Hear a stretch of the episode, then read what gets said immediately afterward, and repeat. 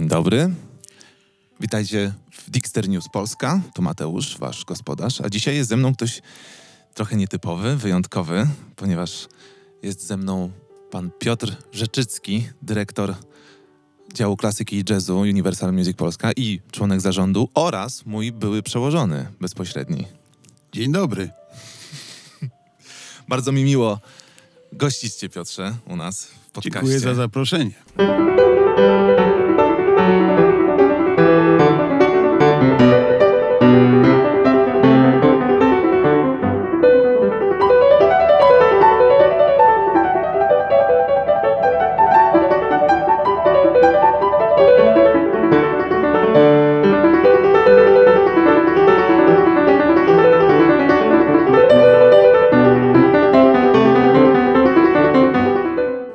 Wielką przyjemnością porozmawiałbym z tobą, Piotrze, o tobie, ale to nie jest temat naszego dzisiejszego spotkania. Jest wiele innych ciekawszych tematów.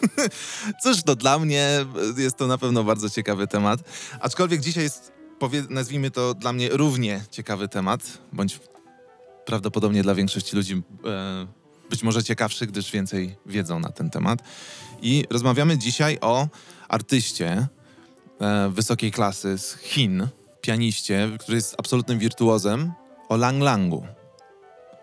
Kim jest Lang Lang? Dla tych, którzy, dla tych słuchaczy, którzy nie, nie znają e, być może tej e, bardziej klasycznej strony muzyki, ponieważ nasz podcast częściej jest jednak o muzyce pop lub hip-hopie, więc to jest trochę wyjątkowe. Dla, dla tych słuchaczy, którzy nie, niewiele wiedzą o Lang Langu, kim on jest i kim on jest szczególnie w kontekście współczesnego świata muzycznego. Myślę, że warto od razu zaznaczyć, że powinniśmy chyba w ogóle zrobić odrębny odcinek lub podcast pokazujący fenomen Lang Langa we współczesnym świecie muzycznym, e, bo, bo jest to postać naprawdę wielowymiarowa.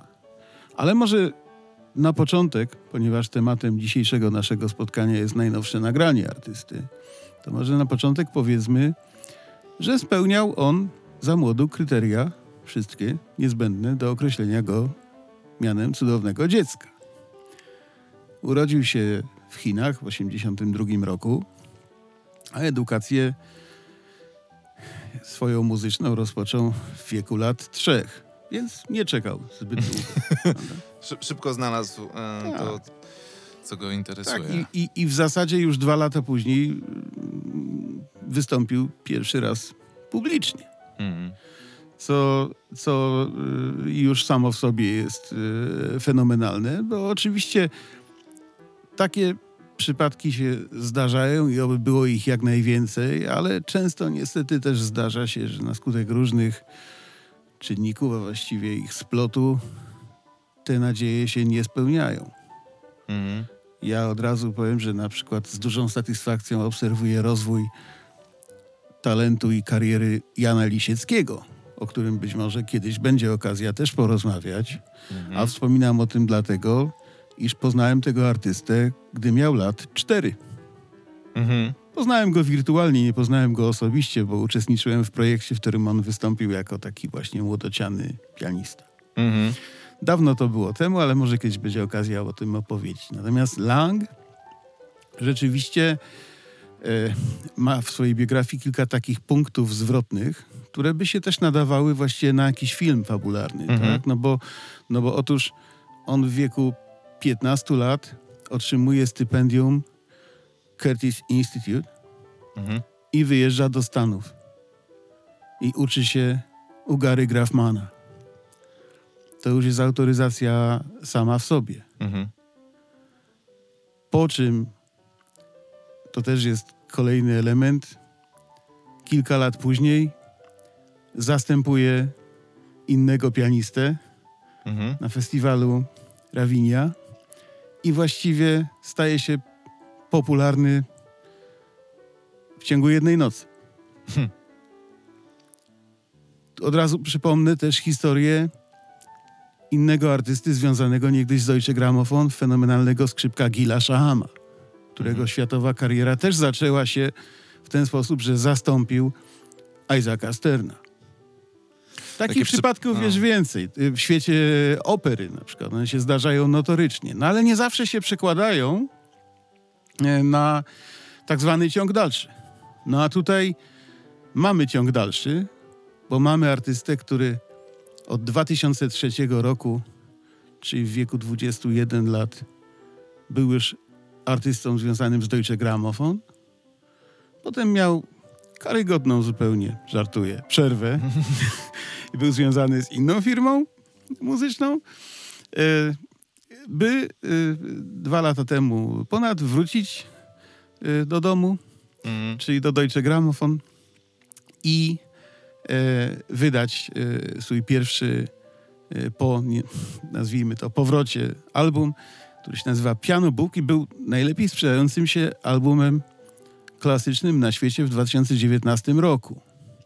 Piano Book, warto to powiedzieć, był niejako realizacją zamówienia, Mhm. jakie uczniowie, studenci, muzycy, pedagodzy właściwie złożyli Mhm. Lang Langa.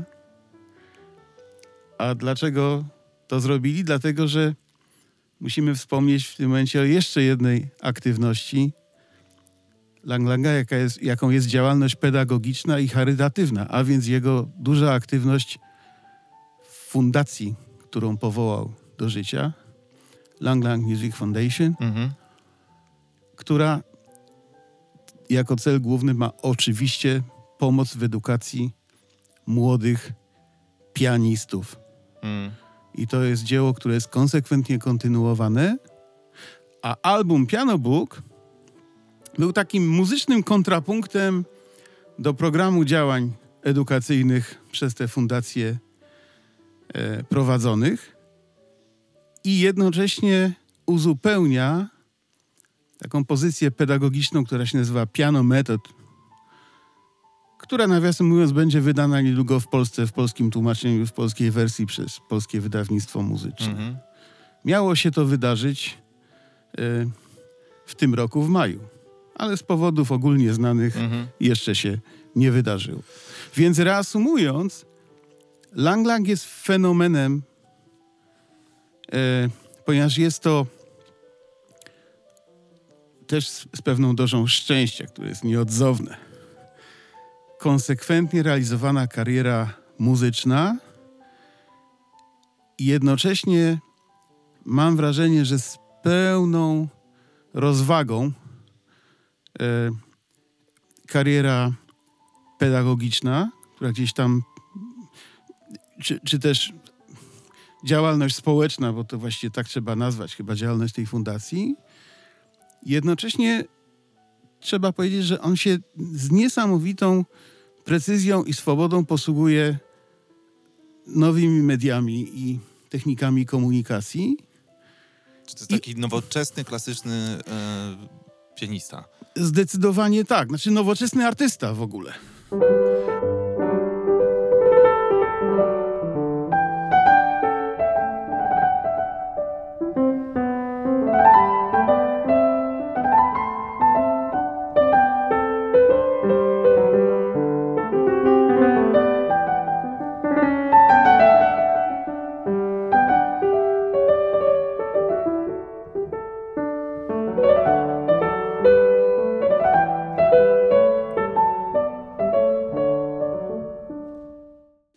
Mówiąc o wielkich dziełach, to niewątpliwie takim jest ostatnie nagranie Langa, który nagrał wariacje goldbergowskie Bacha. I dla tych y, słuchaczy, którzy niekoniecznie wiedzą, co to jest, czym są wariacje goldbergowskie? No, rzeczywiście jest to dzieło pomnikowe. Postaram się to rozwinąć. Jest to aria oraz 30 wariacji. E, Na końcu tego cyklu wariacji pojawia się początkowa aria, czyli to jest niejako da capo, tak? Mhm. I te arie mm, to właściwie jest absolutny szczyt możliwości y, tkwiących w instrumencie klawiszowym, jakim wtedy był klawesyn. Mhm. Bach tutaj dał absolutny popis swojej inwencji kompozytorskiej. Faktura, tempa, rysunki melodyczne. Mm, To po prostu jest absolutnie kosmiczne dzieło, które jednocześnie jest niezwykle trudne do zagrania. Mhm. Więc jak patrzymy na najnowsze dane, które pokazują, że mamy ponad 600 różnych nagrań dokonanych przez wielu artystów, Mhm. no to wypada się tylko zdziwić, ponieważ właśnie poziom trudności tego utworu powinien skutecznie zniechęcić wszystkich posiadających instynkt samozachowawczy, jeżeli nie grają na klawiaturach zbyt dobrze. Niemniej mamy kilkaset tych nagrań, ja o niektórych za chwilę wspomnę. A czy tutaj jest taki punkt honoru dla e, klawiszowca, pianisty? E, Tak, tak. I klawesyniści, i pianiści y, z tym utworem się mierzą, bo jest to tak jak dla, dla skrzypka y, to będzie pewnie y, partita Mhm. i szakona, demol, tak? Tak. Dla, dla wiolonczelisty to pewnie będzie piąta i lub szósta suita wiolonczelowa. E, Na każdym instrumencie Bach stworzył coś, co jest y, y, absolutnym kosmosem i, i skuteczne zrozumienie i opanowanie tego utworu Mhm. powoduje, że możesz zacząć myśleć o sobie, że jesteś muzykiem. Mhm. Y, I, I naprawdę ten utwór, częściowo zapomniany w swoim czasie, a wydany przecież w 1741 roku, Piękny rok. 9 lat przed śmiercią Bacha, zupełnie go nie pamiętam. E, to e, ten utwór teraz oczywiście jest w tym panteonie największych dzieł Bacha, razem z Das Wohltemperierte Klavier, sonatami, partitami, suitami wiolonczelowymi, pasjami. Mhm. Natomiast rzeczywiście jego renesans zaczął się od 1933 roku, kiedy to Wanda Landowska nagrała po raz pierwszy Mhm. wariacje goldbergowskie i przywróciła je światu tak naprawdę.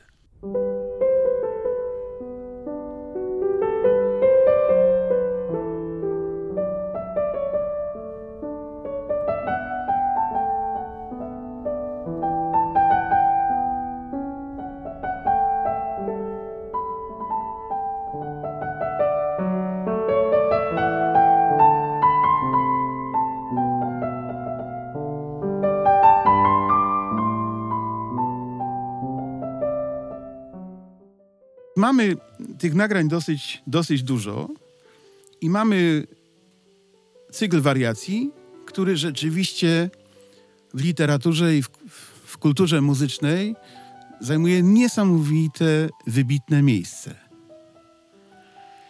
I myślę, że jakieś przykłady nagrań tego dzieła, to po prostu musimy, oprócz, już po- wspomnieliśmy Mhm. o Wandzie Landowskiej, to musimy powiedzieć o, o artyście takim jak Glenn Gould, Mhm. który nagrał to dzieło dwa razy. Hmm. Nagrał w 1955 roku i nagrał w 1981 roku, drugi raz. Hmm. Y, Lang y, w jednym z wywiadów wspomina o tym, że się oczywiście inspirował nagraniem Goulda.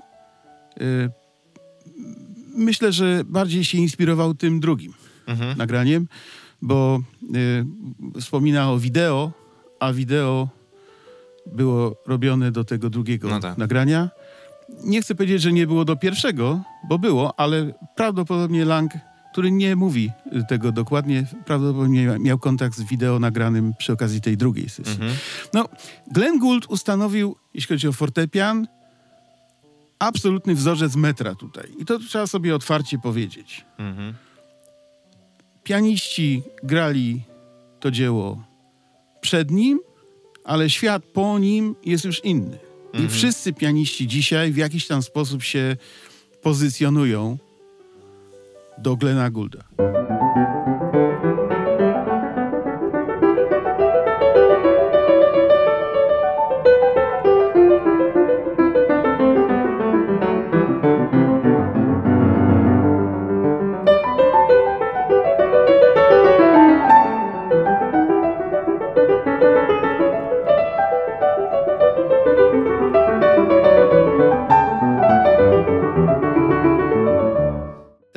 Y, zresztą też bardzo długo się szykował do nagrania, bo przecież on y, y, mówi, że w wieku 10 lat zaczął się tego uczyć. Mm. W wieku 17 lat pierwszy raz to publicznie y, zaczął wykonywać dla różnych artystów.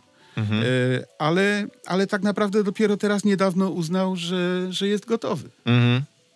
Z takich wykonań, na które warto zwrócić uwagę, to, to oczywiście e, wspomnę o artystce, o której sam Glenn Gould kiedyś wspomniał w wywiadzie. Mhm. Nieżyjąca już Rosalind Turek, Mhm.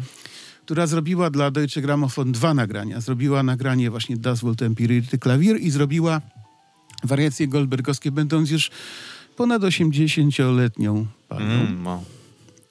E, Zostało to wydane w 1999 roku. Glenn Gould właśnie komplementował Rosalind Turek, uznając kiedyś w jednym z wywiadów, że jest to ta osoba, na której kreacje bachowskie zawsze czeka. Hmm. Więc to była najwyższa rekomendacja, mam wrażenie. Bardzo zrobił dobre nagranie Andras Schiff w 1983 roku dla Dekki. Na pewno warto to odnotować. Daniel Barenboim nagrał to razem z wariacjami Diabelli w 1991 roku. To, to jest dla, dla firmy Erato. No, ale jeszcze są, są takie ciekawostki. Muraj Peraja nagrał to w 2000 roku dla Mhm. Sony. Warto zwrócić e, uwagę też na Beatrice Rana, to jest włoska pianistka, która to nagrała, Warner to wydał. Mhm. Ona nagrała to w wieku 23 lat. O, Tak. W to nie czekała tyle co W Lang. listopadzie 2016 roku. Tak, ale uznała, że jest gotowa. Mhm. E, e, Andreas Steyer, o którym wspomniałem, nagrał to w 2009 roku i to właśnie nagranie było inspiracją dla wielu też pianistów. Między innymi dla Igora Lewita, kolejnego wybitnego pianisty Mhm. związanego z Sonym oraz dla, e, dla Langa, który rzeczywiście się, się kontaktował z Andreasem Steyerem. Przez prawie trzy lata byli w kontakcie i, i rozmawiali, rozmawiali e, o tym i, i pracowali głównie zresztą nad, to gdzieś tam się też pojawia w rozmowach, nad kwestią ornamentacji. Mhm.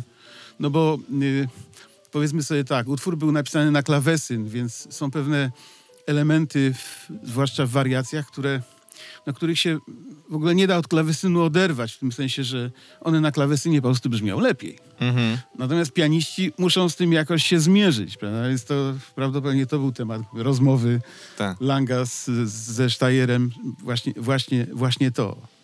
E, Zresztą, e, jak już mówimy o, e, o jeszcze innych artystach, z którymi się Lang spotkał, to, to spotkał się też z, Nikolasem, z Nikolausem Arnonkurtem, Mhm. nestorem e, artystów uprawiających tę muzykę historycznie poinformowaną. Tak, prostu, tak e, Konsentus Musików Wien, wybitny dyrygent, niestety nieżyjący już. e, Przy okazji e, prac nad koncertami Beethovena i Mozarta artyści mieli okazję się spotkać. Rzeczywiście tam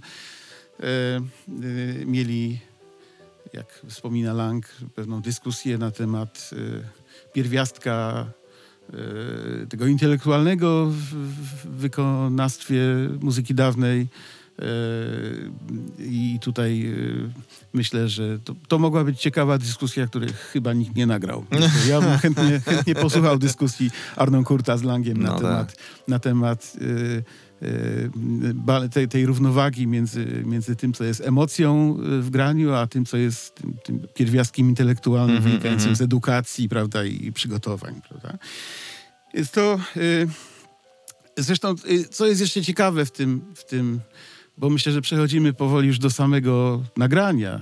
Tak. Z, z, bo za chwilę będziemy o tym rozmawiać, ale to, to powiem, że jeszcze jest jedno ciekawe nagranie, które zrobiła Angela Hewitt dla Hyperiona. Mhm. To była ciekawa sprawa, ponieważ ona zrobiła regularną sesję, Mhm. nagrała te wariacje goldbergowskie, po czym po nagraniu wróciła do studia i zagrała to od początku do końca jednym rzutem, Mhm. rejestrując całość bez żadnych przerw. Mhm. No i paradoksalnie okazało się, że do ostatecznej wersji nagrania weszła duża część właśnie tego spontanicznie Mhm. nagranego już z efektem też zmęczenia pewnie i tak dalej, tego wieczornego nagrania. Może pojawiło się więcej pierwiastka emocjonalnego. Na pewno. Ale jak kiedyś powiedziałeś, że Maksymiuk najlepiej nagrywa się w siódmej godzinie nagrania. No więc, no więc mamy... To znaczy, że mamy jeszcze parę godzin przed nami, żeby nam się najlepiej nagrywało Nie, tutaj. nie, nie, bo przecież nikt już nie będzie tego słuchał. Więc ja myślę, że ja myślę, że e, wspominam o tym dlatego, że Lang miał podobną przygodę z tym dziełem.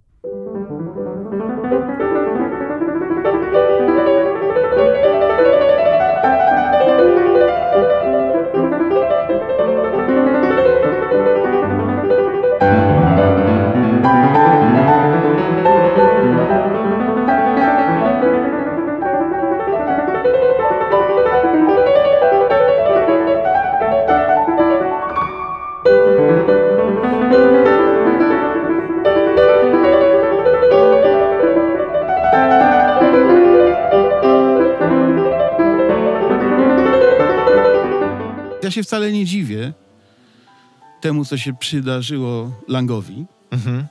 który przygotowywał się latami i postanowił w końcu to nagrać, bo uznał, że jest gotowy. Mhm. No i nagrał.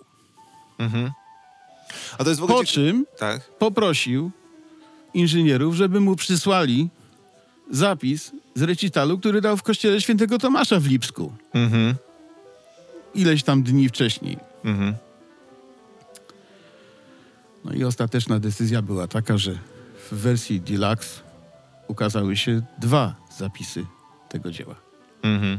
W wersji podstawowej mamy tę studyjną realizację, a w wersji deluxe mamy również zapis tego koncertu. Mhm. Ja sobie y, próbuję wyobrazić, jak on się musiał czuć, próbując się zmierzyć z tym dziełem w kościele, w którym ten kompozytor spędził 27 lat i jest tam pochowany. Mhm. No to jest ciężar To jakieś duże, okoliczności. duże emocje musiały być. W każdym razie muszę powiedzieć tak, że wariacje goldbergowskie wywołują niesamowite emocje. I ja myślę, że, że każde nowe nagranie też emocje wywołuje i pewnie będą różne te emocje. Mhm.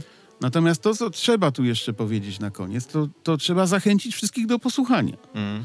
Dlatego, że to jest ciekawe granie. Są duże kontrasty Mhm.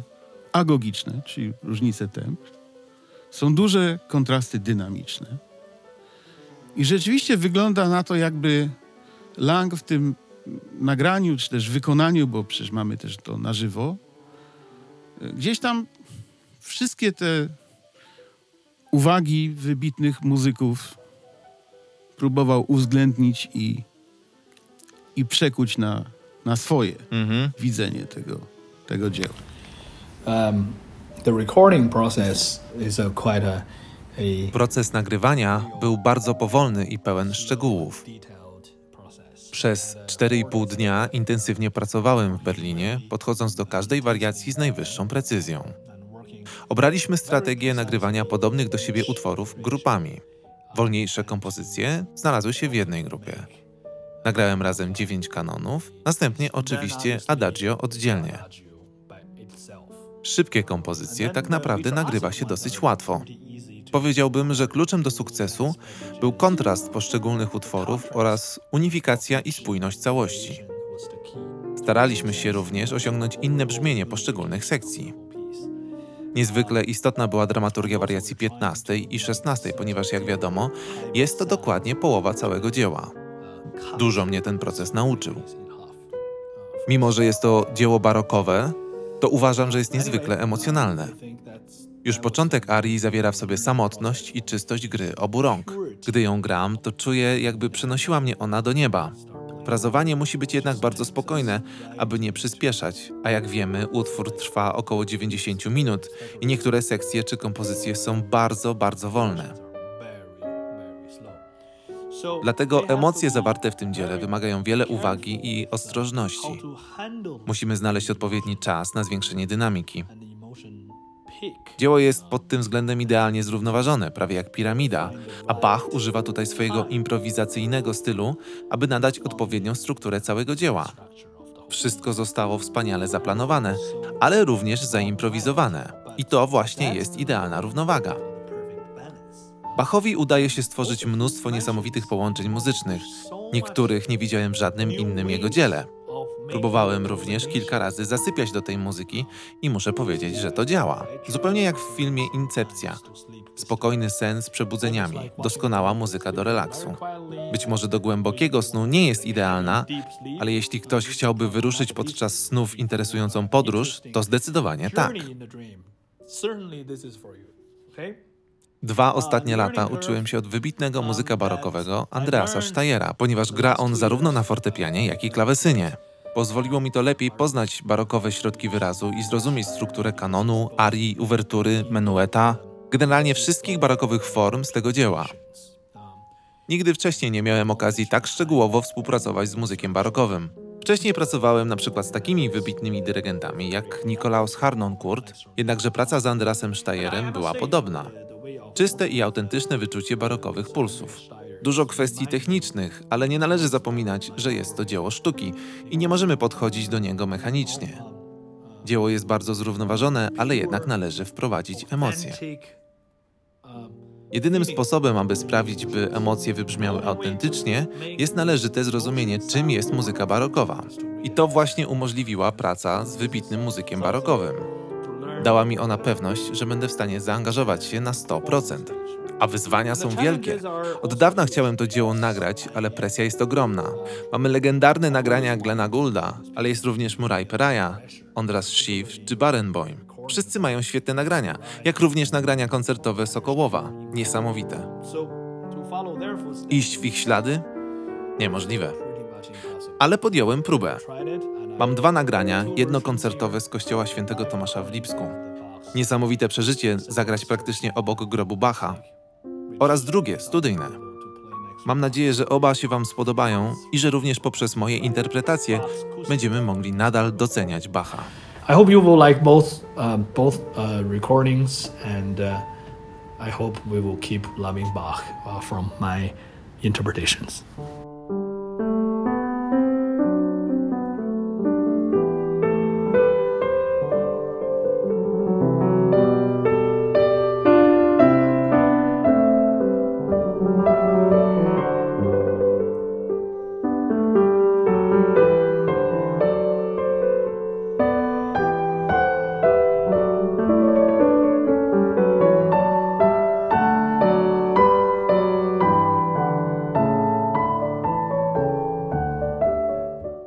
Bardzo dziękuję za rozmowę. Ja również dziękuję za uwagę. Naprawdę.